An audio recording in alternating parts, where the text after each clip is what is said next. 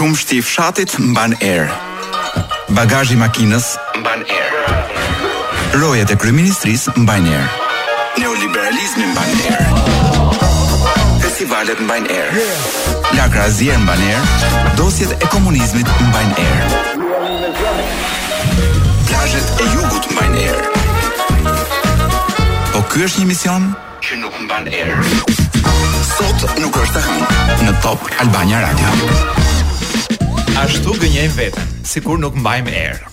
Jo, ne nuk mbajmë, ky emision nuk mban në përgjithësi. Pastaj ka segmente të caktuara që për hatër të lajmeve që sjellim uh, mund të bjerë pak erë.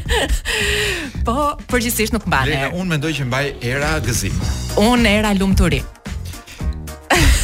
Do vetëm dy njerëz rrezatonin kaq shumë lumturi ti dhe Lumturi Blloshmi. Dhe jemi O zot, jemi komplet jashtë uh, binarëve. Jo, jashtë uh, këtyre sondazheve sepse 1 në 3 persona në Shqipëri rezulton. Jo, në Shqipëri ti e ke thënë që tani nuk ka sondazhe. Nuk ka sondazhe. Në botë 1 në 3 ka tendencën të pranojë lumturinë. Dy të tjerë kanë tendencën të bien, të fundosen. Po pse po flasim ne kaq shumë për lumturinë, do thoni ju sot? Sot është, e pra, Sot është një ditë jo e zakonshme. Jo, fare.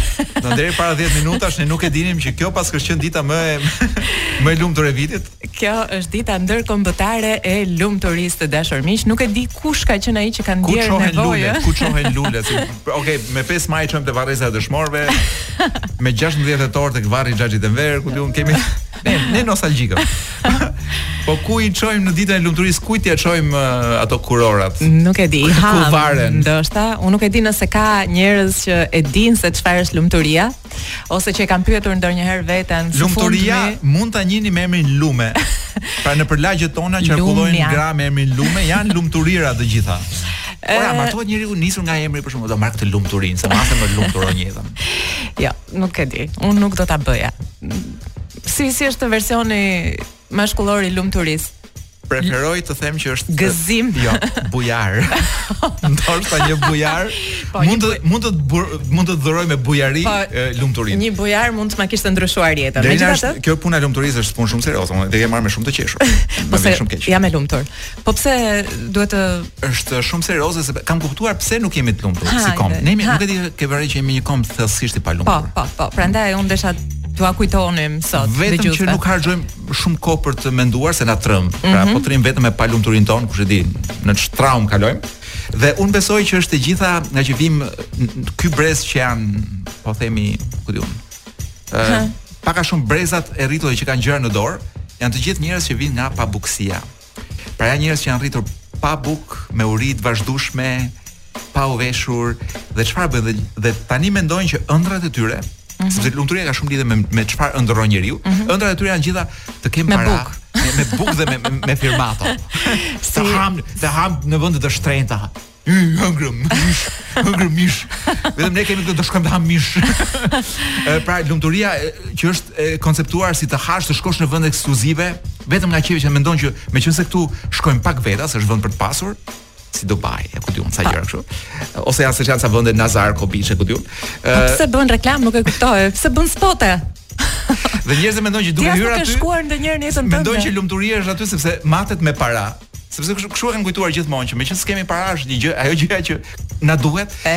Dhe ëndrrat e njerëzve janë të ajo që të mungon përkufizon dhe ëndrrën tënde. Ky mund të jetë një lexim uh, sipas shkencëtarëve ama është edhe pak genetike. Oh, po. Po nga nga për një 40% që ke në gene. Kështu po që ne kush na ka futur nga nga ka nga lart, nga veriu apo nga turp, domethënë nga nga orienti. E prandaj nuk e di, duhet ta zbulojmë. Do të qeras me një këngë depresive. Muse Hysteria. Gëzuar. Lerina, a mendon ti që në qoftë se njeriu lexon shumë gjëra që mbajnë erë në kompjuter, A fillon edhe kompjuter dhe laptopi jot dhe mban mos fillon dhe ndizet një çik. Nuk e di sa herë që e nis kështu më më zë pak ankthi. Sepse kam hapur lajmet e javës që kaloi dhe pash një duf që doli nga aty. Tym tym tym. Nuk di nga ta nis e nga ta lë. Shkrepe. Po e nis me një lajm të mirë për mafian shqiptare. Oh. Biles, dy tituj nga me, dy media të ndryshme, njëri thot tentakulat e mafias shqiptare mbërthejnë Zvicrën. Oktapodi. Tjetri thot mafia shqiptare zhyt në skandal edhe presidentin e Ekuadorit. Kjo e fundit më pëlqeu shumë. Nuk e di pse çunat kanë zgjedhur Ekuadorin nga gjithë të tjerë për ta zhyt. Domthon, sepse marr vesh që paska, nuk e di, disa mijëra shqiptarë në Ekuador, Aha. ku një pjesë e mirë siç kam dëgjuar, lart e poshtë janë emisarë të drogave të ndryshme. Mhm. Dhe kanë i- tani vendosin edhe për zgjedhjet në Ekuador. Pra mafia shqiptare financon zgjedhjet në Ekuador dhe zgjedh njeriun e vet. Po shiko sepse kanë bërë stazhin këtu ke kjo ky pellgu jon i vogël. Po, po, po shkojnë me një barr, me një barr përvojë atje. E ashtu de.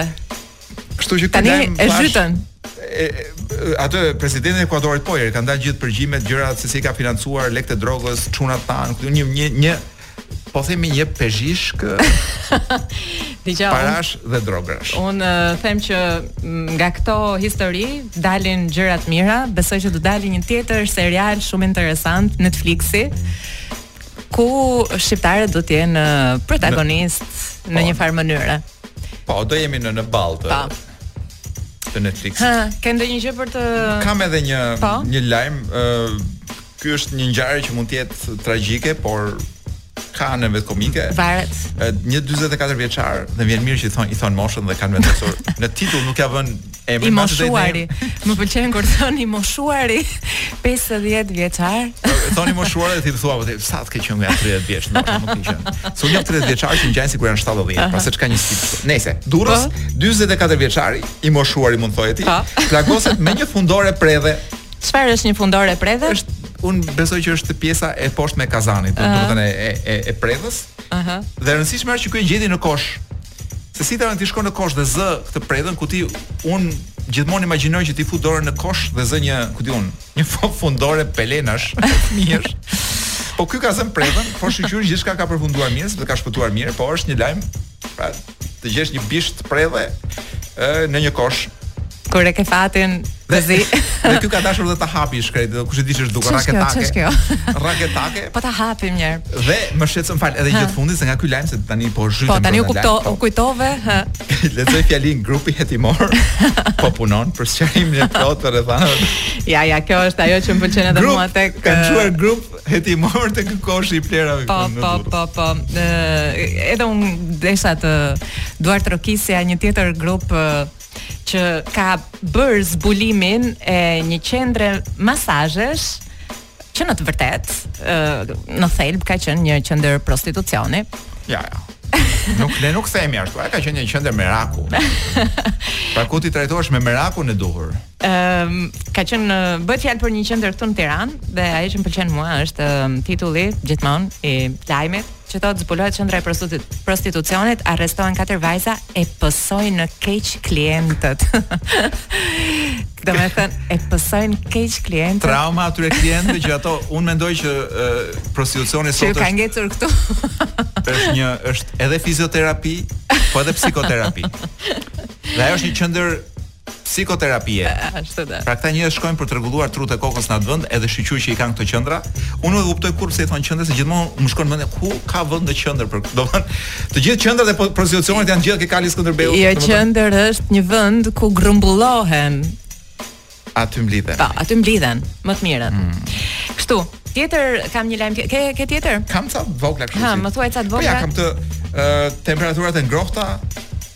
sjellin në Pogradec flamingo dhe jam shqetësuar kaq shumë sa nuk ta ha mendja.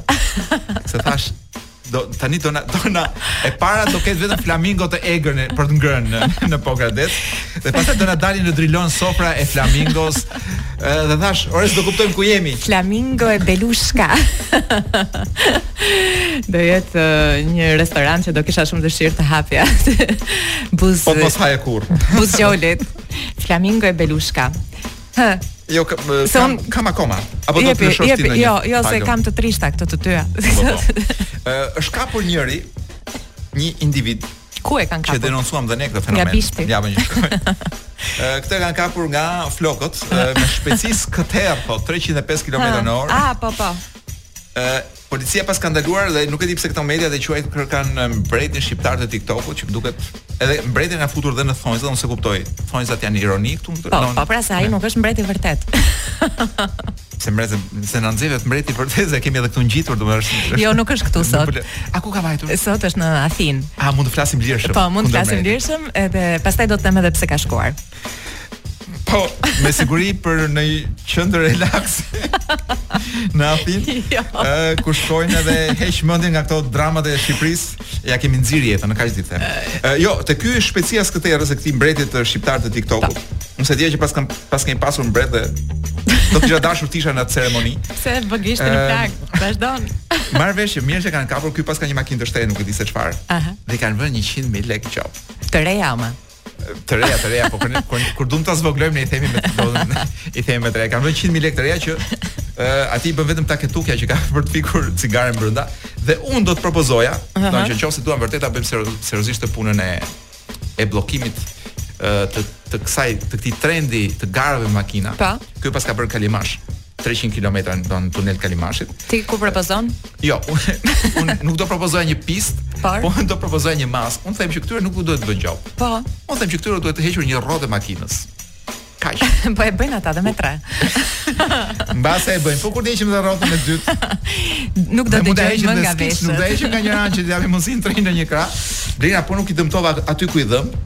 Dhe nuk është se i dhimbsen lekët për ta riparuar për të vënë gomë të re. Mhm. Mm po dhimbse që duhet ta çojnë atë makinën e shtrenjtë tek ata çunat e Don Boskos për ta rregulluar. Kështu që eh, Pau, pau. Kaq kisha unë, problemi u zgjidh tash po të Unë eh, do pyes Kloin përpara se të them këtë lajmin se nuk do doja thjesht 20 sekonda. E jo, nuk eh, për 20 sekonda nuk ta them dot. Mund të Për them 20 vetëm sekonda- arsyen pse ka shkuar mbreti Për 20 në sekonda ne numërojmë deri në 20. 20. Mbreti ka shkuar në Athinë për të hapur ekspozitën e radhës. 17.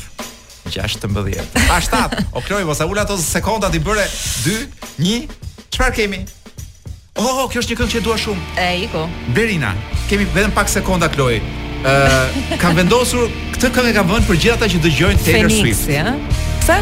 Sepse kjo është një këngë, kjo është kënga që ne mund ta këndonim dhe Ditën e Verës, është një këngë që flet për paganët, ta kujtoj. Uh -huh. Dhe thashë ka një ka një poezi kaq të komplikuar brenda përkundrejt poezive të, të asaj gocës.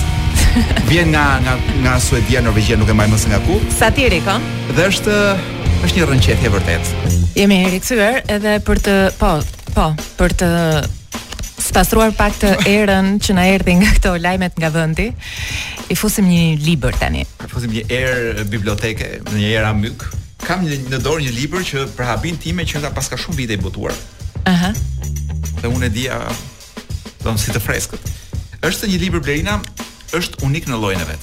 Pse do thoni ju? Është shkruar në 1840, nuk e di, pra në 1800-tat. Aha. Është shkruar nga një gjerman. Aha. Dhe titullin e ka Udhëtim në trojet shqiptare. Ai ka qenë apo është udhëtim imagjinar? Është i gjithi roman imagjinar. Çfarë? Pra ky nga Gjermania 1800-s imagjinonte heroin e vet që udhëtonte nëpër Shqipëri, Po kështu film me me me vrasje me ku di unë me me banda që ndjekin një nuk di, një mrekulli. Hajde një. Është botuar nga Toena. Libri kushtonte apo kushton 9 euro, 1200 lek. Ëh. Uh -huh. dhe është përkthyer nga Ingrid Schatz që nga emri të krijon besim dhe unë mendoj që realisht mendoj që ka përkthyer mirë. Po edhe ky në stilin e vet të romaneve aventurere është është simpatik. Hajde një. Po e filloj që nga faqja e parë se aty duket libri mirë. Ti bie te faqja 9. 11. Ligjet turke janë me huqe ose më mirë të themi me dy kuptime, gjë që del edhe në pah, edhe më në pah, sa më e humbur të jetë rrethina për të cilën bëhet fjalë. Këtë gjë ne e mësuam atë pasdite dhe ishim të vendosur që në seancën e gjyqit ku do të merrim pjesë, të paraqiteshim si njerëz të fuqishëm të drejtësisë. Pat rënë muzgu në kohën kur hymë në ndërtesën e gjyqit. Gjatë rrugës për atje shumë njerëz që nuk kishin gjetur vend në oborr, rrinin në anë të rrugës për të pasur të paktën mundësinë të na shihnin. Porta u mbyll menjëherë sapo futëm këmbën. Kjo nuk qe shenjë e mirë për ne. Mybareku nuk kish lënë gur pa lëvizur për të ushtruar ndikimin e tij dhe si u duk me sukses. Mezi arritëm tek vendi i hetimit duke çarë mes turmës. Pranë karrikes kishin vënë një stol të gjatë, patën bërë gati edhe purtekat. Sepse hanin dru, hë, dënimi ishte me me me, me fshikulla kuptohet. Ëm um, ku lashë te purtekat. Po. Fenerët e ndezur të mbushur me vaj dhe shtupa lëshonin flakë të çuditshme. Zotërinjtë e gjyqit ndodheshin që ndodheshin në ndërtesë dhe u njoftuan menjëherë për ardhjen tonë. Policët na u futën në mes duke na bllokuar rrugën drejt portës. Ky veprim na u duk mjaft i dyshimtë, ngaqë ajo ishte e mbyllur me lloz. Rreth e qark sundonte qetësi e thellë. Policët u tërhoqën menjëherë sapo u shfaqën pesë zotërinjtë e gjyqit. O zot, mërmëriti Halefi. Si do vejë halli ynë tani? O Sid. Po dridhem nga frika. Mbahu Halef, i thashë. Fjalët e mia e trimëruan. A t'i bëj këta budallenj që mendojnë se mund të na fusin tmerrin me shpatat e tyre të provoko të provojnë kamxhikun tim mbi kurriz, tha. Mos u bëj i paduruar, e qortova. Sot ti u tregove gjaknxehtë dhe për fajin tënd përfunduam këtu. Pesë zotërinjtë zunë vend. Goxha Bashi në karrige, kurse të tjerët në stol. Ku Goxha Bashi është kryetari i trupit gjykues. në në versionin e Perandorisë Osmane, ëh. Të tjerët në stol. Një grua doli nga turma dhe shkoi menjëherë pas zëvendësit. E njoha Nohudën e lyer me një gisht të kuq në fytyrë. Me sa dukej zëvendësi ishte bashkëshort i saj. Dhe ajo që binte në sy, ai s'kishte ndonjë pamje kush e di se çfarë. Mybareku u ul pranë goxhabashit. Mbi gjunjë mbante një copë letër midis tij dhe fqinjit ndodhej një enë e vogël. Ngaqë brenda ndodhej dhe një pendë, pate, ma mori mendja se ajo ishte mbushur me bojë. Goxhabashi tundi kokën dhe qëroi zërin për të tërhequr vëmendjen. Kjo ishte shenja e fillimit të gjyqit. Pasi priti pak derisa të vendosej qetësia, ai ia nisi me këlthitje tingëlluese. Në emër të profetit dhe në emër të padishahut, që i faltë mijëra vjet. Jemi mbledhur këtu për të gjykuar dy krime që kanë ndodhur sot në qytetin tonë dhe rrethinat e tij. Selim, dil përpara. Ti akuzuesi, na trego gjithë sa ka ndodhur. Polici Selim doli para gjykatësve dhe filloi të fliste. Gjithë sa dëgjuam ishte krejt qesharake. Ai kishte qenë në shërbim në kohën kur ishte sulmuar nga ne dhe pat arritur të shpëtonte kokën vetëm ngaqë u tregua trim dhe ruajti gjakftohtësinë. Pasi mbaroi, Goxhabashi e pyeti: "Kush qe ai që të goditi?" "Ky këtu," u përgjigj Selimi duke bërë shenjë drejt Halefit. Tani e dimë cili është fajtori dhe ç'krim ka bërë. Prandaj më duhet të këshillohem me anëtarët e tjerë të trupit gjykues për të marrë vendimin, tha Goxhabashi. Ai zuri të pëshpëriste me të tjerët dhe pas pak shpjegoi me zë të lartë. Gjyqi vendosi që fajtori të hajë 40 shkopinj për çdo shputë dhe të burgoset 4 javë. Këtë vendim e shpall në emër të padishahut që e bekoftë Zoti. Në sallë u dëgjua një murmurimë e gjatë. Tani do të hetojmë krimin e dytë, shpalli Goxhabashi. Mohanxhi, dil përpara dhe na rrëfe. Trapari iu bind urdhrit. Para se ai të fillonte të fliste, iu drejtova Goxhabashit gjithë respekt. A ke mirësinë të ngrihesh në këmbë? Ai u ngrit nga karriga pa kuptuar çfarë kisha ndërmend të bëja. E mënjanova dhe u ula vetë në të. Faleminderit, i thashë. Një njeriu të rangut më të ulët i ka hije të respektojë një të rangut më të lartë. Veprove siç duhet. Mëkat që nuk mund ta përshkruaj mimikën që mori në fytyrë Goxhabashi. Koka filloi t'i luhatej sa majtas djathtas. Gjykatësi donte të fliste, por nga tërbimi që e kish kapur nuk mund të nxirrte nga goja asnjë fjalë. Për të shfryrë disi inatin që i kish hipur, shtriu duart përpara dhe i vuri mbi kokë. Askush nuk guxoi të fliste, apo të lëvizte nga vendi. Të gjithë prisnin që gjykatësi të shpërthente. Ai zuri të ulërinte sa tundej salla. Çfarë të shkrepi në kokë? Si mund ta bësh një paturpësi të tillë dhe Haxhi Halef Omar e ndërpreva duke folur me zë të lartë. Bëj gati kamxhikun, i pari që do më bëj bosh, ë, do ia bësh kurrizin më të butë se barkun. Le të guxojë kush të dojë. Haxhiu i vogël mori menjëherë kamxhikun në dorë dhe u bë gati për të qëlluar. Sidi, jam nën urdhrat e tua, tha i vendosur. Mjafton të më japësh qoftë edhe shenjën më të vogël. E kështu vazhdon ky gjyq e dashur Blerina.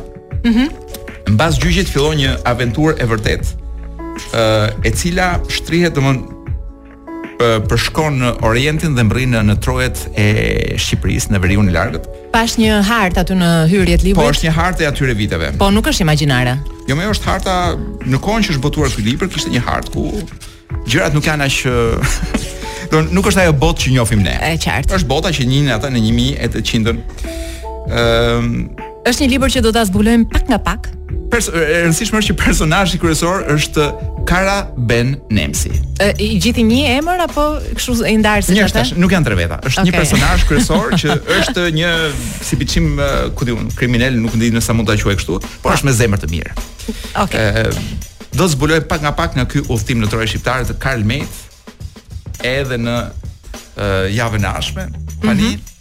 Si do ta shplajmë këtë gjë që na këtë këtë gjë që sapo lexuam? Tani me një këngë, me një këngë. Është është ky grupi. Po, është Barcelona grupi, Gipsy, a, Balkan Orchestra. Që unë kam parë kur kanë ardhur në Tiranë, janë shumë të dashur në fakt. Po. Shumë të mirë. Jan janë çik shumë kanë motive ballkanike, kanë çuar në një nivel më lart. Po, mendoj. Të mira janë edhe ato. Janë shumë të mira. dhe kanë ardhur dhe kanë dhënë një koncert shumë të bukur të organizuar nga Hemingway Bar. Kështu që un tani për vete do të çohem dhe do kërcej, nuk e di ju si do ia bëni që jeni nëpër makina dhe nuk mund të kërceni. Përplasuni. Gjeni jo, një mënyrë jo, të bëni dëm. Me kujdes, me kujdes. Ky është momenti i preferuar Kolo sepse në bazë të ngjarjeve që realisht kanë ndodhur ne të dy spekulojmë ne të dy dhe Lorenci me F spekulojmë mbi fatet e personazheve të ndryshëm dhe sot do të spekulojmë mbi fatin e A mund të lejohet që kolegun, kolegun tonë Florenc Zerellari unë ta quaj Renci me Flo? dhe jo Lorenci me F. Unë sa herë kam takuar Florencin, në në fillim i them Lorenc dhe pastaj ftillohem që e kam me F dhe i them Lorenci me F, kështu që e përshëndesim. Ë uh, Lorenci me F sot ka vendosur që të sjellë disa sugjerime ë uh, që lidhen me një ngjarje të vërtetë. Pra, është parë që ë uh, si ka emrin presidenti? Presidenti i Republikës që nuk ka nevojë për emër tashmë. është thjesht institucioni i presidentit dhe po. ne dimë që ka një burrë atje që nuk e di se si është po, si ka mbërritur atje me çfarë merite. I thrasin presidenti Rumbullaku. Un në përgjithësi nuk flas kurrë për presidentin e Republikës. Është Po të flas sot je i detyruar se Sot jam i detyruar, por po evitoj ta thras me emër. Okej. Okay. Por kam dëgjuar që se ka ose Begaj se Jo mora. Po seç ka një emër si mbiemër. Ose Begaj ose ndonjë gjë të ngjashme. Po ça rëndësie ka Blerë tash ne jetojmë në një demokraci e, parlamentare apo jo, çna duhet emri. Pra, ai është një figurë. Po, po. Mirë, tani për të bërë hije dhe ai që nuk bën asnjë lloj diference mendimi i tij në jetën e Shqipërisë apo në jetën politike e shoqërore të Shqipërisë, për fat keq. Po. Të tijën dhe të Republikës. Tashi të flasim për zotrin që s'e di mirë emrin dhe që është presidenti i Republikës apo jo. Ashtu.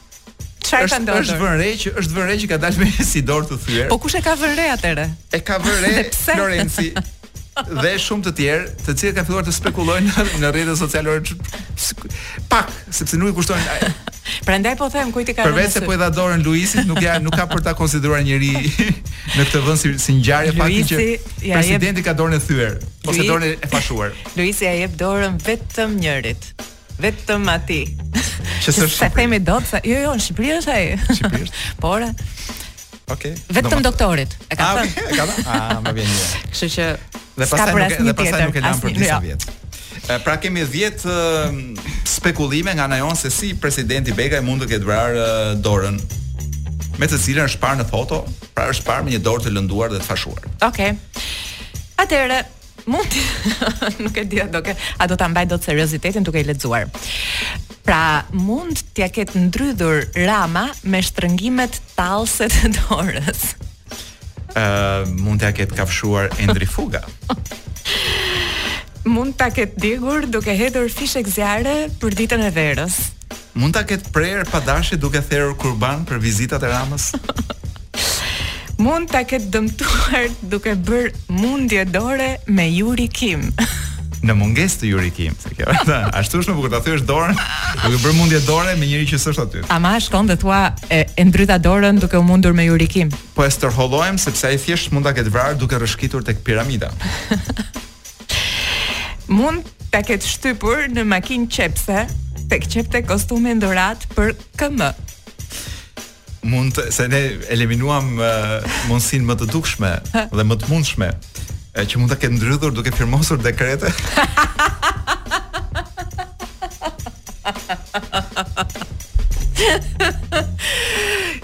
jo dekrete jo jo, pas ato uh, dekoratat që dikur jepte ish presidenti ose duke lozur me dekoratat që do kam kam një kuti me dekoratat ku ai do lozin me pas dora. Atëherë e fundit që kam për të thënë është që mund ta ketë vrarë në poçeri në tentativë për të ndjekur shembullin e KM. Të them që mund ta ketë thyer pa dashje mes qe, me sqepar të ngurtë kornizën e vetes së vet në zyrën e vet. Po shikon, nuk është më e, kjo historia që duhet vendosur fotografia e Ismail Qemalit se i ngjan atij. Nuk kam më. Unë mendoj që presidenti ka fatin që askush nuk e shkel në zyrë dhe mund të vërë foton e vet. Dhe nuk e qorton njeri. I urojmë shërim presidentit, don dorës e presidentit. Në qoftë se dora e presidentit është e pavarur nga presidenti, do ishte një lajm shumë i mirë dhe unë i uroj dhe dorës që të shërohet, por dhe presidentit që dora e tij të shërohet. Ëm uh, t'ia fut një këngë se unë nuk e mbaj dot më të qeshurën, edhe e di që për shumë dëgjues nuk është aq bukur të dëgjojnë të qeshurën. Reklama, a mban dot ti? Jo. Po Klodi, uh, do ta rrahim Blerinën me një këngë apo me reklama? E Kloj, i kemi dal nga parashikimi Kloj jemi këtu. Kloj. Reklama apo këngë? Çfarë kemi për Hape prap dhe vazhdo me spekulime. Atëherë Blerina të flasim për njeriu që mund të ketë thyer dorën pa dashje presidentit të Republikës. Aha. që është kryeministri. Aha, duke ja shtrënguar fort tham. Jo, më nuk jo duke shtrënguar fort, kryeministri ka një stil që të jep dorën, domethënë bën sikur ta jep pastaj tërheq. pastaj ta lëviz anash, të provon reflekset, se nuk është domethënë para se të japi dorën do të di çfarë refleksesh ke ti. Uh, sepse nuk je te ata fatlumë që kanë ja. pasur mundësinë të shtrëngojnë dorën dhe mos e lajnë më. Uh, ku gjendet kryeministri sot e di ti? Të thashë që ka shkuar në Athinë dhe nuk më ashtu fare. Po, jo, ti më the që ka shkuar në Athinë, por nuk e kuptova se një kryeministër që çuam një herë në Athinë. Ëh. Ah. u kthye martuar me një si, siç thonin gojët e liga me me një spiune greke. Jo, jo.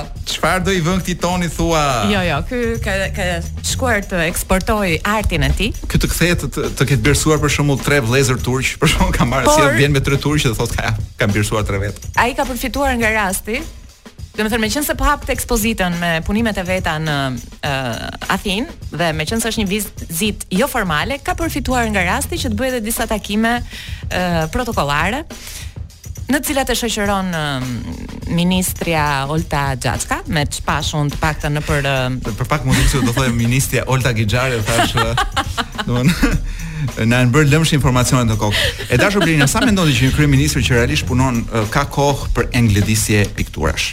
Jo, unë do të thoja kundërtën, një kryeministër që pikturon, mbase mund të ketë pak kohë edhe të takojë ata homologët e vet. Sepse unë ne një drejtor kemi këtu në radio dhe nuk e kap dot sepse gjithë kohën duke punuar i shkreti me cop radio. Po të kesh një cop Shqipërie. E di. Dhe kur them një copë Shqipëri sepse kryeministri de facto vetëm Tiranën qeveris, se pjesa tjetër është e lëshuar kështu si me thënë si pashallëqe të vogla, që qeverisin të tjerë që vetëm vin i japin tributet një herë në sa kohë. O Kloj o rrofsh që na na na dhe 2 minuta mundësi për të shprehur këtë që kishim brenda. Dhe desha të di sa shiten ato pikturat e kryeministrit. Ej, ja këtë unë s'e di asnjëherë. Po mbase falen. Mendon për bamirësi? Jo. Kështu për delir bamirësie. si mendon ti Kloj për shembull? Un ka raste që që përpiqem mos mendoj. Un ka raste që na zë Kloj pa mendje dhe dalim kështu. Gjysëm zbulu, gjysëm cullak si kur i thon. Por jemi në momentin ku do i do të thonë do do do zhvishemi të gjithë, bëuni gati edhe ju. Do zhveshim çdo lloj informacioni që ju ja sjellin juve të veshur, neve do të zhveshim për juve. Shiko, ne tani do sjellim disa lajme nga dynjaja.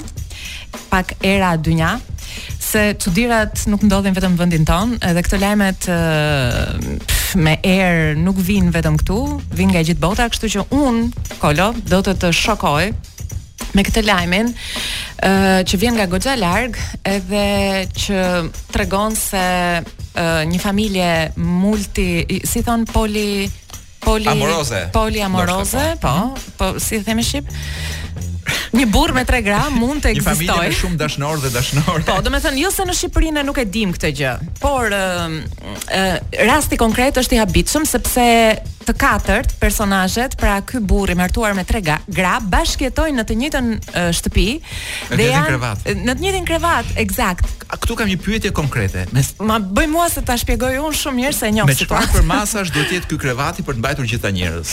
Nuk se e... unë kam një krevat ku mezi po rrimë dy veta. Shiko, dhe sa më afër. Edhe pse kemi dëshirën shumë të madhe të martohemi pesë veta bashkë, por nuk kemi krevat, nuk nuk na zë as dhoma një krevat si si ai domethënë, po duhet ditur çfarë përmasash kemi praktike. Pra një shqiptar që do të ketë Këto janë detaje që nuk vijnë, por katër gra. Detajet që vijnë në artikull thonë se ka me kata ai. Se jo jo, flenë të katërt bashkë edhe e kanë pak të vështirë se thonë gratë e tij që ai është pak tip kapriçoz dhe është pak e vështirë që ta menaxhosh, domethënë natën. Nuk, nuk na fle. Ë, uh, një tjetër veçori e këtij personazhi është që është pa punë i ziu, po gratë kanë marrë përsipër që ta Ta Lena, nuk të duket ty që të punojnë ka... ata për të, ato për të. Nuk të duket ty se ai ka uh, punën më të vështirë në botë. Ashtu thonë dhe ato. Kështu që ai ato ato thonë që ne mundohemi dhe lodhemi për të sepse ai na e shpërblen në natyrë dhe kaq mjafton për ne. Kështu Tani, që a kemi ndonjë informacion tjetër, domethënë të çfarë kalibri ka mitralozin ky burrë? Jo, nuk e dim, këtë nuk e dim. Se ky që që qëllon me mitraloz kuptohet domethënë. Po. nuk e dim. Por ngjarja është aq e vërtetë, sa ka zgjuar dhe interesin e skeno, skenaristëve të ndryshëm edhe po mendohet bëhet një dokumentar mbi jetën e këtyre tre personazheve që quhen Nick Davis, April, Jennifer dhe Daniel. Të gjitha këto janë për juve që doni të gjeni dhe të kërkoni në Instagram. Pa. Po. Dhe të shihni nga afër kush janë, si janë dhe a ja vlen t'i bashkohesh këtij grupi gazmor. për shembull nëse po rrini kot dhe jeni pa punë. Exact. Pse mos i bashkoheni një grupi, një sindikate pa. Po. si kjo. Ose po të jeni të zotët, krijojeni vetë. Është është e kam do do e përsëris gjë më bukur. e keni. Batuta më e bukur që kam dëgjuar për këto raste të kësaj natyre. Ku ne nuk u thelluam, por unë imagjinoj që pra kjo lloj familje herë pas herë ka gëzim të katërfishtë në krevat. Pra ka aksion të katërfishtë. Dhe këtë rast e ka shpjeguar shumë bukur Woody Allen që ka thënë që marrëdhënia më e bukur në botë është orgjia sepse ti mund të marrësh një pushim, të ah. askush nuk e vë re. Që ti thua po bëj çik pushim, se u lodha. Dhe vazhdon filmi pa të pritur ty. Gjithmonë e kam adhuruar Woody Allen. Po ka eh, ka pasur momente si ky në jetë. Po, kam eh, një lajm tjetër apo do të më Jo, të lutem, vazhdo. Ëh, eh, më duket interesant ky lajm që si the Klodi 4 minuta, po. Ëh, një vartëse ka bllokuar shefin e saj në telefon sepse ai e mori për ta pyetur për diçka për punën gjatë orarit të pra pas orës 4, si me thënë. Edhe? Edhe ajo e bllokoi. Po. Oh. Bllokoi shefin ore, si edhe. Ça janë këto desha... përgjigje që jep. Jo, më fal, desha të di domethën uh, pati një situatë ku kjo i çoi një tortë me helm të nesërmen ku di unë u thellua më tej ku do jo, apo jo. Unë thjesht nuk e di nëse ka është paraqitur dot në punë të nesërmen, se po të kishte qenë në Shqipëri. Ne jemi nga vendet e pakta në Europë. Mhm. Mm Uh, ku gjëja është ku duket konsiderohet shumë normale që uh, drejtorët, shefat të të dërgojnë emaile pune, mesazhe pune në çfarëdo lloj ore dhe ti je i detyruar t'i përgjigjesh. Pra praktikisht një shqiptar që punon kryesisht në punë zyre, se nuk po flas për muratorët. Po, pra, po. Ë, një shqiptar që punon në punë zyre mund të jetë 24 orë në punë. Pra edhe në 12 të natës duhet t'i kthejë përgjigje një emaili. Tani, kjo me sa duket ndodh edhe jashtë, Megjithatë, më ngjan si një rast i izoluar për sa kohë është bërë lajm që ka qarkulluar në gjithë rrjetin dhe për sa kohë uh, vartësja është ndjerë dhe e lirë që ta bllokojë shefin e saj në celular. Ë, imagjino një skenë të ngjashme këtu. Unë do i kisha mbyllur vetë derën e zyrës. Nuk S'ke punë më këtu. Ne nuk e kemi as si modalitet kam përshtypjen. Ë ndoshta do duket habi Blerina, por po shoh këtu, e kam në ekran përpara. Uh -huh. Po shoh 192 meshkuj bjondë. Ua sa të mirë. ja, dhe, dhe gjëja që më habit është se nuk ka lidhje me Luisin, janë janë bjondë sepse janë ekipi i tyre i Porto Rikos i bejsbollit. Aha. Uh -huh. është janë lyer gjithë bjondë edhe njëkohësisht fansat dhe tifozët ndjekësit e tij janë lyer gjithë bjondë. Mm -hmm. Dhe paskan thyer edhe rekord botëror që unë mezi po pres të dalë Luisi të marrë ata mijëra shqiptarët e lyer bjondë prej Luisit edhe të thyejnë ata një një rekord dhe na nderojnë Shqipërinë. Shumë bukur. Uh, un përpara se s'e shoh Kloj kemi edhe 1 minutë 30, ë. Jam me këtë ankthin e, e minutazhit, edhe nuk do doja të linim pa komentuar një ndër ngjarjet më të çuditshme. Nëse për sa mund të jetë e çuditshme. Ë në fakt është një lajm i mirë për të gjitha gratë mbi 60 vjeçare, ato që mendojnë që ndoshta jeta dashurore pra janë të të ve ose të pamartuar ose single ose beqare, t'i quajmë si duam. dhe që mendojnë që jeta e tyre dashurore ka mbaruar, nuk ka shpresë. Ë uh, un dua t'ju them që sot ë uh, zonja Ann uh, Lesley Smith është fejuar me multimiliarderin uh, Rupert Murdoch të famshmin manjat të mediave amerikane, i cili është 92 vjeç dhe së shpejti në fund të verës kanë premtuar se do të kryejnë ceremoninë e dasmës. Unë s'e kuptoj pse quhet lajm të gëzueshëm për gratë mbi 60 vjeç, sepse i vetmi burrë në botë po se... që dhe i pasur që vendosi të martohet, masi kishte bërë pesë martesa të dështuara. Iku doli nga tregu, ë? Jo vetëm doli nga tregu, po unë dyshoj që ajo do do do i vdesi në një seancë seksi. Se është 90 do i ngeli në dorë të shkretës. Ajo është 66 vjeç kolon. Po të, shpre, të shpresojmë që kanë 66 vjeç. Por por është pak a shumë si ky lajmi tjetër që kam këtu që thotë në Turqi pulat po bëjnë vezë me pisht. Po te ky lajm nuk do ndalem sepse nuk jam, nuk dua të kam një lloj kështu feeling me pulat edhe. Nuk dua të flas keq për pulat turke. Por mund të them që kemi një rast, mund ta them edhe këtë apo vetëm titullin, se s'më lë Kloj. O Kloj, lutem, po. Kemi një hajdut. Titulli është ky, hajduti vodhi vibratorin pasi hyri në shtëpi nga vrima e qenit dhe ky titull i thotë të gjitha. Vrima e qenit. Ku të nxë aty? Kjo këngë është e xhiruar në Athinë, ah. pra ka njerëz që shkojnë në Athinë për të regjistruar këngë, është një unplugged, është i regjistruar më duket para një 10-15 vjetësh. Kur po të del timi. Dhe është një nga këngët klasike të viteve 80 do thoja unë. Scorpions. Jemi rikthyer edhe taksirat, të dashur miq deri në orën 8 na keni në në qafë. praktikisht. Verna, di kur do arrijë vërtet majat ky program me ata 100 dëgjuesit e vet që ka. Ëh. Kur ne të arrijmë të bëjmë orë të vazhdueshme matematike, dhe gjeometrie në studio. Se fjalorin dhe letërsinë e kemi, ë? Me këtë rast zgjidhim dhe problemet e Kloit që ka provime tani afër në në fizikë, ku di un se ku tjetër. Për sepse gjuhën po e bëjmë. Pra kemi jemi tek fjalori. Po, letërsinë e kemi. Kështu që çfarë na ka ngelur tjetër për të bërë nga shkolla, për ta rikthyer shkollën në radio. Kam fjalorin e fiskultura ndoshta nuk e di a do e arrim deri atje. Kam fjalorin e gjuhës së sotme shqipe. Ne të dy jo një herë. Domethënë po. Jo, them që ne të dy nuk mund të japim leksione fiskulture. Gjuhë, ha. Edhe letërsi, ha. Kur jep presidenti leksione me rrumbullak, shtrëngim dore, do me thyrje dore.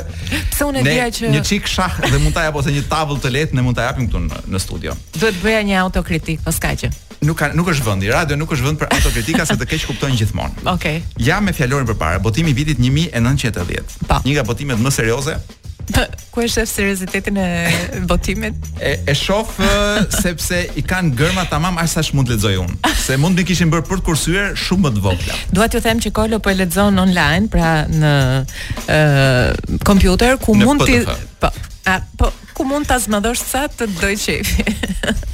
Qoftë se ti do t'i ulësh vlerat këtij fjalori atëherë ti qofsh. Po, jo, unë doja të thoja që më shumë se fjalori serioz je ti që i ke bërë gërmat aq sa i lexon. Okej. Tani e dashur Ageshë.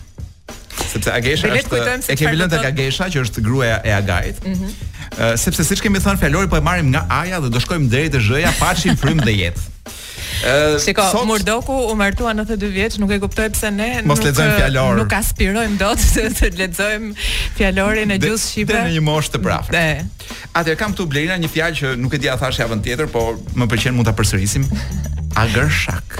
Ç'është mo? Agërshak. Ha një. Është krahinore dhe është një rrotull që vihet në majë të boshtit për ta dredhur më lehtë. Ah. Kur ta tjerrim, kur e tjerrim fillin me dorë, se ka që nuk e tjerrin me dorë. Unë jam fanse e atyre që tjerrin fillin uh -huh. me dorë, me dorë. Pra, i vë i vë agërshakun. E qartë. Unë mendoj që neve kemi mundësi që Agërshakun ta fusim meqense nuk tjerrim. Po nuk e përdorim dot se e, nuk tjerrim më. Tjerrim po, Blerina ne tjerrim llafe, ne tjerrim, ne mund të gjejmë mundësi ku Agërshakun ta ringjallim si fjalë. Pra mos e vdesim. Do të bëje një diskutim që e tunde si Agërshak. Ta mos e vdesim. Një fjalë poetike mm -hmm. uh, është agimprurës. Kur ti shkon dhe merr gimçen, gimin, të sjell këtu. Pra themi, Blerina është agimprurëse, sapo na solli agimin. E bukur. Agimin do të thonë agimin e xhaxhi Gimin. Po. Ë çfarë kemi tjetër këtu? Aglomerimi m'u duk fjalë e shëmtuar, nuk do ndalem te kjo. Ë aglomerim, aglomeroj ç'janë këto. Po kam një një fjalë që nuk ma kish hasur veshi kurrë. Hajde jepi. Agmi. Jo Agmi. Agmi. Ç'është Agmia. Ç'është agimi, por poetike. S'arrita të bëj një quiz, por në qoftë se unë them, kam këtë fjalinë e shkurtër, agmia e malësisë, si e kupton ti? nuk e di, ja, kështu do ta thoja. Agimi, por në ja, nuk në trajtë poetike të Malësisë. Le të them siç e kanë thënë ata burrat e 1980-s, Agmia është zbardhëllima e parë e vagët e ditës. Pra më më më përkufizim i qartë se kjo, pra ne kemi një fjalë për zbardhëllimin e parë, po, dhe s'e përdorim. Që është dhe e vagët. Po. E ditës dhe nuk e përdorim kurrë. Sepse bëjmë jetë natë dhe na zë gjumi deri në 9 të mëngjesit. Sigurisht që Agmin nuk kemi ku ta shohim, por jam i bindur që zonjat që pastrojnë Tiranën me fshesa akoma fshesa, ku di un, pemësh, çfarë, si quhen ato fshesa me pemë? Kur ka qenë fjalor? Hera e fundit që ke parë Agmin. Agmin Blerina e kam parë para 2 minutash te ky fjalori këtu. Ë uh, kemi një lajm tjetër, një lajm tjetër, kemi një një një një fjalë tjetër. Një fjalë tjetër. Oh, prit, se agmia ka dhe kuptimin përveç asaj të parës, ka edhe të skuqurit e lehtë të fytyrës nga një ndjenjë. Oh, Kloj, ku je moj Kloj? E, Ose themi ne agmi njeri për njeriun, pra për dikë që ka shpirt të kulluar. Jo, jo, kjo, kjo njeri zemërbardhë, domethënë. Kjo me ndjenjën pëlqeu mua. Ishte jashtëzakonshme. Agnostikët i njohim agoninë e kemi e kemi jetuar në kurrizin tonë. Aty jemi, e kemi, jemi te agonia. Uh, por kam ca fjalë shumë për shkak që mund të them uh, agori. Mhm. Mm Janë agori, Blerina, janë trajta që merr fytyra ose trupi sipas qëndrimit. Si me thënë ato trajta ca vija që merr fytyra, pra kur ti rri në pozicion të caktuar, fytyra edhe sikur merr ca. Agori është apo agori? Agor. Agor. Okej. Okay. Pra themi agori i Blerinës, pra nëse mm -hmm. unë rri dhe të shoh trajtat e, e fytyrës tënde. Dhe më thuaj që shqipja nuk i ka të gjitha fjalët që na duhen. Po se ne shpesh herë ankohemi edhe themi që e mo përdorim anglisht ose italisht. Ashtu ka bërë Ledri Vula që na ka bërë atë shqipen gjithë gjithë anglishte. Nuk ia dim sfumaturat shqip. Ja çfarë është sfumatura? Do vim edhe te sfumatura në shqip. Ë, uh, a të të flas pak për Agoshin? Agoshi. Agoshi ose në shumës Agoshe, Agoshe. është krahinore, është thjesht një vijë uji, rrëke. Okej. Okay. I kaloi agoshi poshtë këmbëve. Ëm, ehm, un them që me kaq me fjalën agosh do ta shënojmë këtu. E lëm sot fjalorin. Vër një shenjë. Dhe e hapim javën që vjen. Dhe un kam nevojë të ridiskutoj edhe një herë martesën e Murdokut. po pse? Sepse nuk më del e keqe. Pra kur njeriu ka parë 92 vjet jetë. Po. Pra ka parë agmit e 92 vjetëve. Dhe supozohet që ka mbledhur gjithë përvojën e mundshme të botës, njeri si Murdoku ka pasur Murdo... nuk di nëse mund të them fatin, po ka pasur mundësinë ë uh, që të takojë lloj-lloj njerëzish që ne s'i takojmë dot, ku di un. Po. Mund me moshën që ka mund të ketë takuar po, dhe, dhe Kenedët ndoshta. Po. Ose ku po. di un. Dhe në fakt kishte thënë që kisha frikë të dashurohesha. Por tani e lëshova veten dhe mendoj që kjo është e fundit. dhe ka thënë edhe që uh, mezi pres të kalojmë gjysmën tjetër të jetës bashkë. Unë mezi po pres që të ndahen. po pse o Kolo? Po ka gjithmonë ti nuk mendon që ajo do bëj gjithmonë diçka që ti nuk i vjen mirë ose që nuk do dali një 65 vjeçare tjetër më e bukur dhe më e zgjuar jo, se kjo. Jo, nuk mendoj sepse ajo ka thënë që uh, un uh, ish bashkëshortin, pra ajo ka qenë një herë e martuar, uh, ish bashkëshorti ka vdekur. Uh, ai gjithashtu ka qenë një biznesmen dhe ka thënë që un dhe Murdoch flasim të njëjtën gjuhë. Kështu që ata janë bërë për një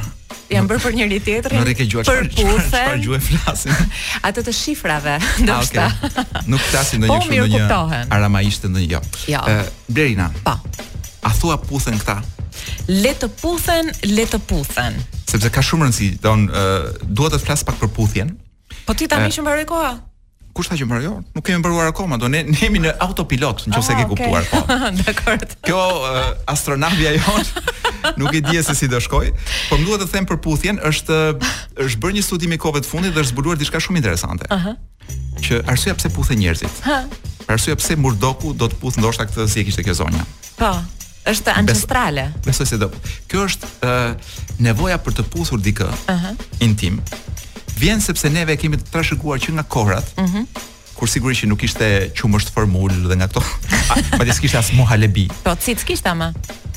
Kishte, po kur rritej pak fëmija uh. dhe kalonte kjo koha cicës, por nuk ishte akoma, uh, si me thënë, për të kafshuar dhe...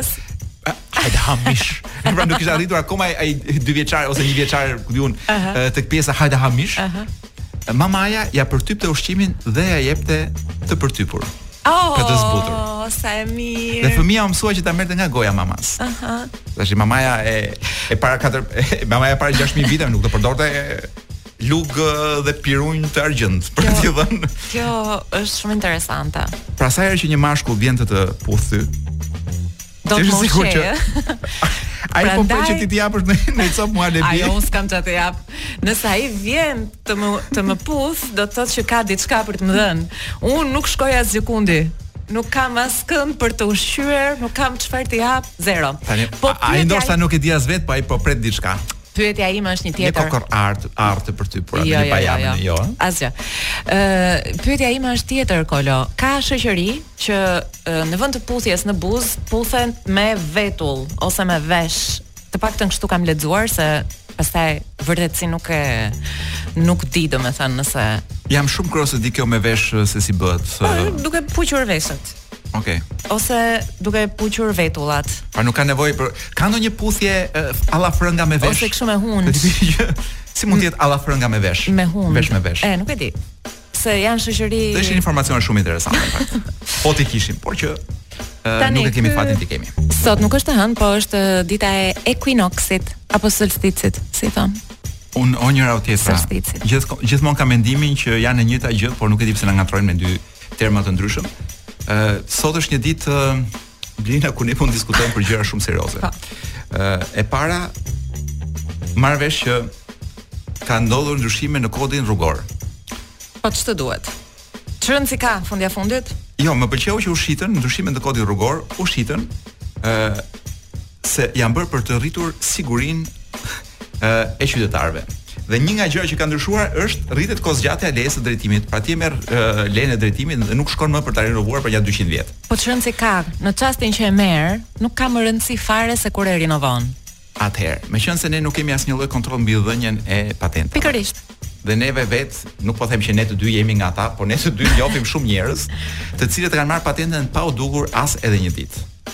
që fusin një mik, që fusin ca lekë, pra që marrin patentën ashtu si e marrin dhe e mësojnë makinën de facto në rrugë. Po. Pra në qoftë se ë dhe në rastin më të mirë ta mëson një njeri i përgjegjshëm, se mund ta mësojë për shembull një 16 vjeçar mëson nga 16 vjeçar tjetër. Ta mëson jeta, ta mëson eksperienca, shkolla e jetës. Atëherë, Mos vallë, e vetmja mënyrë për t'i mbajtur këta njerëz nën kontroll është që pavarësisht meqenëse s'kontrollojmë dot mënyrën si jepen patentat, a mos vallë duhet t'ua shkurtojmë atë kohën se si pra kohën kur paraqiten për ta ritestuar veten? Jo.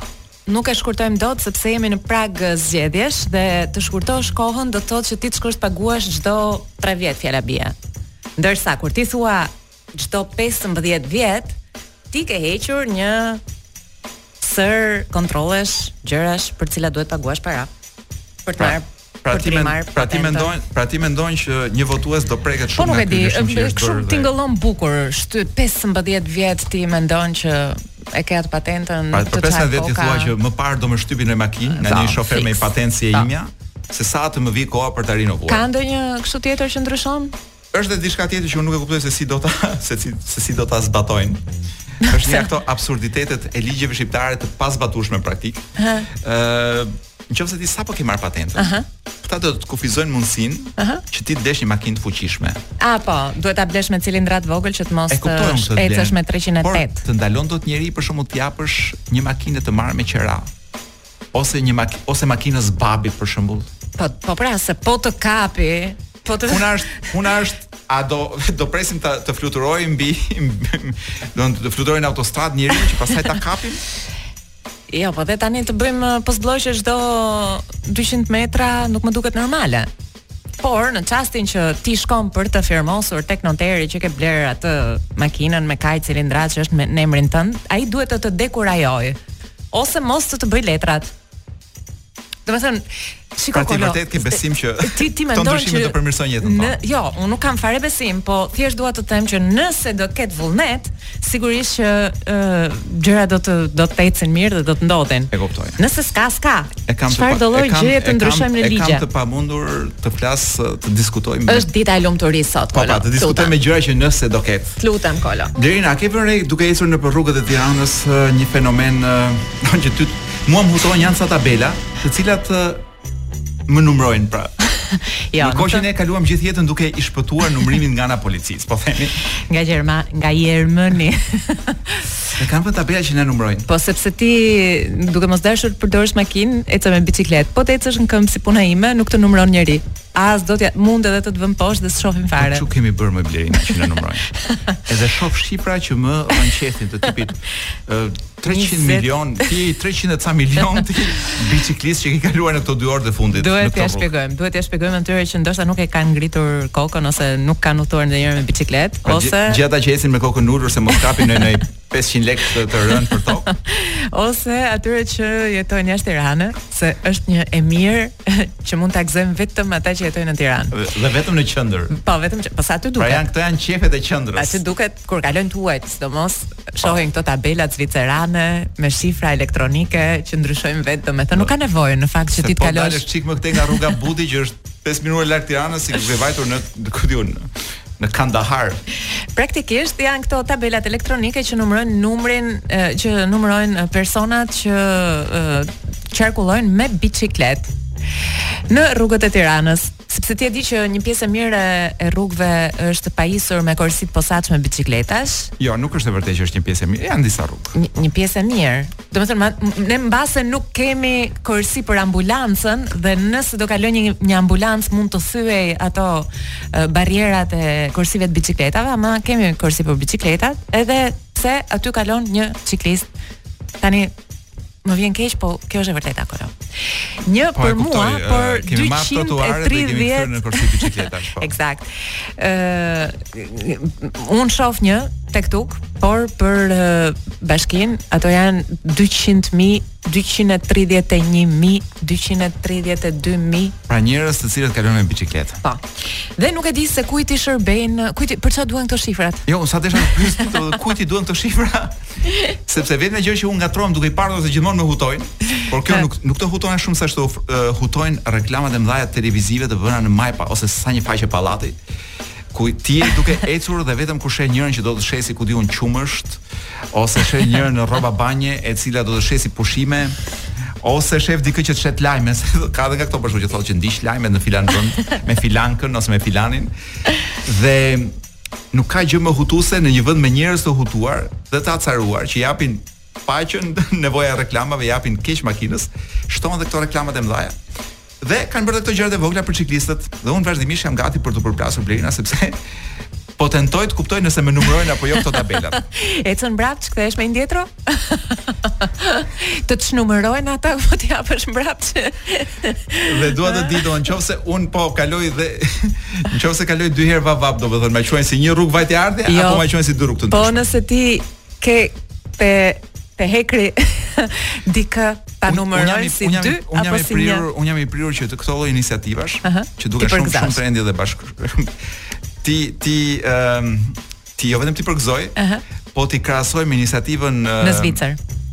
Në Tiranë ishte dhe ajo. Uh -huh. Ishte një iniciativë shumë e bukur në uh -huh. fillim të mandatit të parë të të oh, ato ato të Mobajkut. Jo.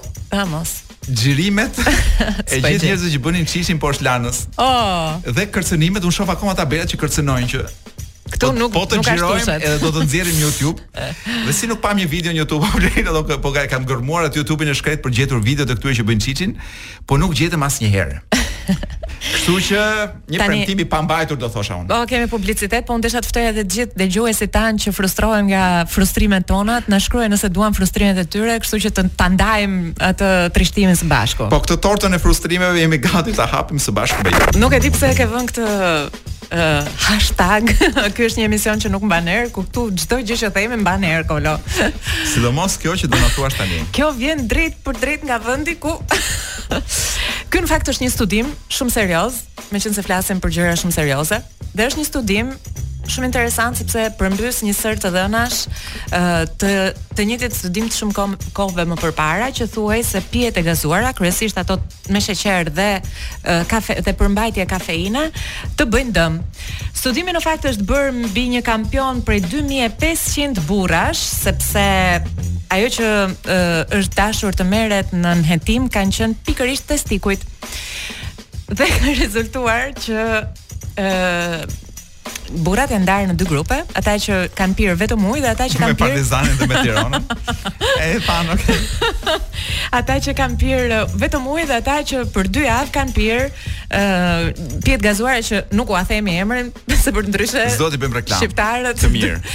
do vraponin. ë uh, edhe ne s'do të kishim asnjë përfitim. Dhe është vënë re pra që pas dy javësh, ata që kanë pirë këto pijet e gazuara me përmbajtje kafeine, që u kuptua se çfarë mund të jenë, ë uh, kanë shfaqur një zmadhim të volumit të testikujve. Si the përmbajtje kokaine? Kafeine ore. Ah, okay. S'e dëgjoj. Do pak. Çi kafeinë të hapim sot. Po. Kështu që Pra sa para dim gjë sa para janë hedhur për këto studime dhe kush i ka hedhur sepse ja, ja, gjithmonë të gjitha ja, studimet ja, ja, ja. Nuk kemi vazhdojmë të jetojmë në epokën e studimeve po, ku një herë shahet mishi i kuq pastaj lavdërohet mishi i kuq. Pastaj sulmohet mishi i pulës, po, pastaj çdo gjë mund të jetë, por uh, Është një grup. Pastaj gjalpi të bën keq, pastaj del që gjalpi të bën dhe mirë. Po. Dhe me pijet e gazuara e njëjta gjë kanë filluar Studimi është kinez, ë? Domethënë vjen nga Kina, jo që është kinez në sensin që s'është serioz. Më vjen shumë keq Blerina, Aha. por unë nga gjithë ato studime mbi pijet e gazuara i besoj vetëm atij që ka bërë Cristiano Ronaldo mbi trupin e vet.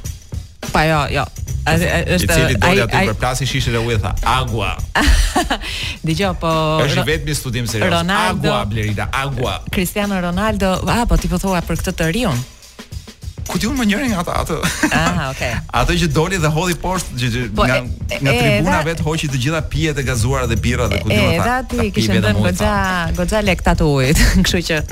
Të ujit çezmës. Edhe... U këtë-ja, a edhe kisha ata- kish dëndur në lek u këtë-ja.